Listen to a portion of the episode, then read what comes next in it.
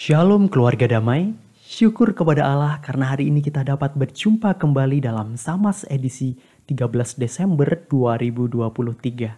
Sebelum bersama kita membaca dan merenungkan firman Tuhan, mari kita bersatu dalam doa. Ya Tuhan, terima kasih untuk kasih dan kebaikan dari Allah yang kami bisa rasakan hari ini. Juga untuk waktu ini, di mana kami rindu akan sapaan Tuhan. Biarlah Tuhan yang berbicara, kami siap mendengarkan. Di dalam nama Tuhan Yesus kami berdoa. Amin. Keluarga damai, sama kita hari ini bertemakan Tuhan dalam kenangan. Bacaan kita terambil dari Filipi pasal yang pertama ayat yang ketiga. Filipi pasalnya yang pertama, ayatnya yang ketiga. Saya akan membacakannya demikian. Aku mengucap syukur kepada Allahku setiap kali aku mengingat kamu. Demikian bacaan kita hari ini.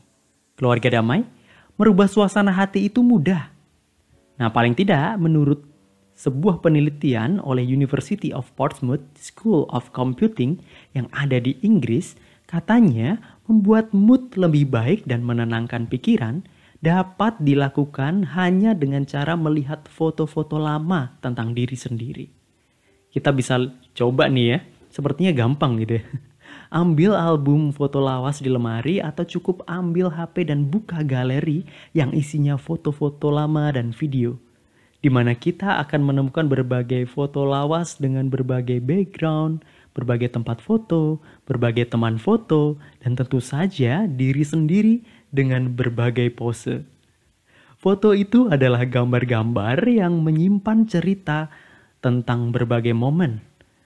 Apakah itu waktu jalan-jalan, merayakan ulang tahun, waktu foto main bersama teman-teman, atau ketika masih kecil, dan lain sebagainya.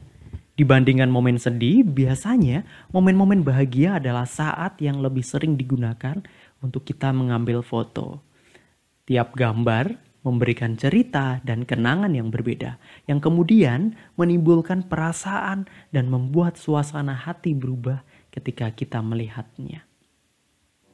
Perubahan perasaan itu muncul karena respon otak kita yang seolah membawa kita kembali ke masa di mana foto itu diambil.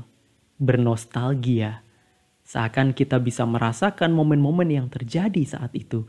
Mengingat bangunan yang ada, lokasi-lokasi ini dan itu, mengingat tentang indahnya, lucunya, dan banyak cerita di masa itu. Melihat foto lama juga bisa membuat kita teringat tentang orang-orang yang ada di dalamnya. Jadi teringat tentang tingkah laku mereka dan hal-hal menyenangkan dan seru yang dulu dilakukan bersama-sama. Semua itu menimbulkan perasaan unik dalam hati yang membuat bibir kadang-kadang bisa jadi senyum-senyum sendiri begitu ya. Kenangan masa lalu memang bisa bikin senang. Seperti kesaksian seseorang yang menyampaikan bahwa ketika ia kesulitan tidur, ia kemudian memilih untuk melihat foto-foto lamanya. Ketika ia berlibur, foto ketika ia masih kecil, dan ternyata itu membuatnya merasa lebih senang, tenang, dan bersyukur bisa mengunjungi dan berlibur di berbagai tempat. Mungkin Bapak Ibu Saudara pernah mengalami hal yang sama juga ya. Nah, pada masa Rasul Paulus, saat itu memang belum ada foto yang bisa dibawa ke mana-mana. Dan dilihat kapan saja seperti foto-foto yang ada dalam HP kita. Namun pada saat menulis surat kepada jemaat Filipi, nama Filipi itu saja sudah cukup membuat Rasul Paulus teringat tentang kisah dirinya dan jemaat di sana. Tentang apa yang dilakukan oleh jemaat Filipi untuk dirinya dan pelayanannya. Tentang segala yang diperjuangkan dan dilaluinya di sana. Ingatannya itu memberikan sebuah sukacita di dalam hatinya Ingatan yang menguatkannya meskipun saat itu ia sedang dipenjara. Ingatan yang membuat Paulus meresponnya dengan bersyukur kepada Allah. Bersyukur kepada Allah menunjukkan bahwa Paulus percaya bahwa semua kenangan indah tentang jemaat Filipi itu tidak lepas dari karya Allah sendiri. Keluarga damai, seorang pakar media sosial yang bernama Sarah Tasker mengatakan bahwa Melihat foto-foto kenangan masa lalu juga berkaitan dengan rasa syukur. Menariknya, melalui foto-foto itu, orang-orang bisa merayakan momen-momen yang sebelumnya mereka anggap biasa saja, tapi kini menjadi momen yang spesial. Rasanya memang demikian ya, bertahun-tahun setelah foto itu diambil, lalu ketika kita lihat lagi sekarang, atau tanpa sengaja muncul di layar HP kita, kemudian itu akan memunculkan perasaan nostalgia dan perasaan tentang, wah betapa berharganya ya momen-momen dulu itu. Momen-momen yang tidak akan bisa kembali ya, dan kenangan-kenangan bahagia yang ada di saat itu. Namun mampukah ingatan dan kenangan itu membuat kita juga bersyukur kepada Allah seperti yang dilakukan oleh Paulus?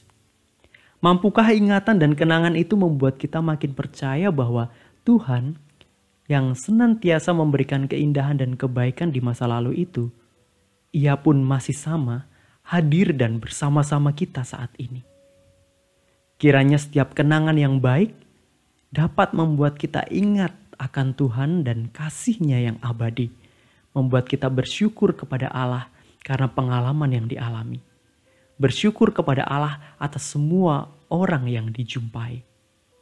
Dan tentu saja kita juga rindu untuk meninggalkan kenangan yang baik bagi sesama kita.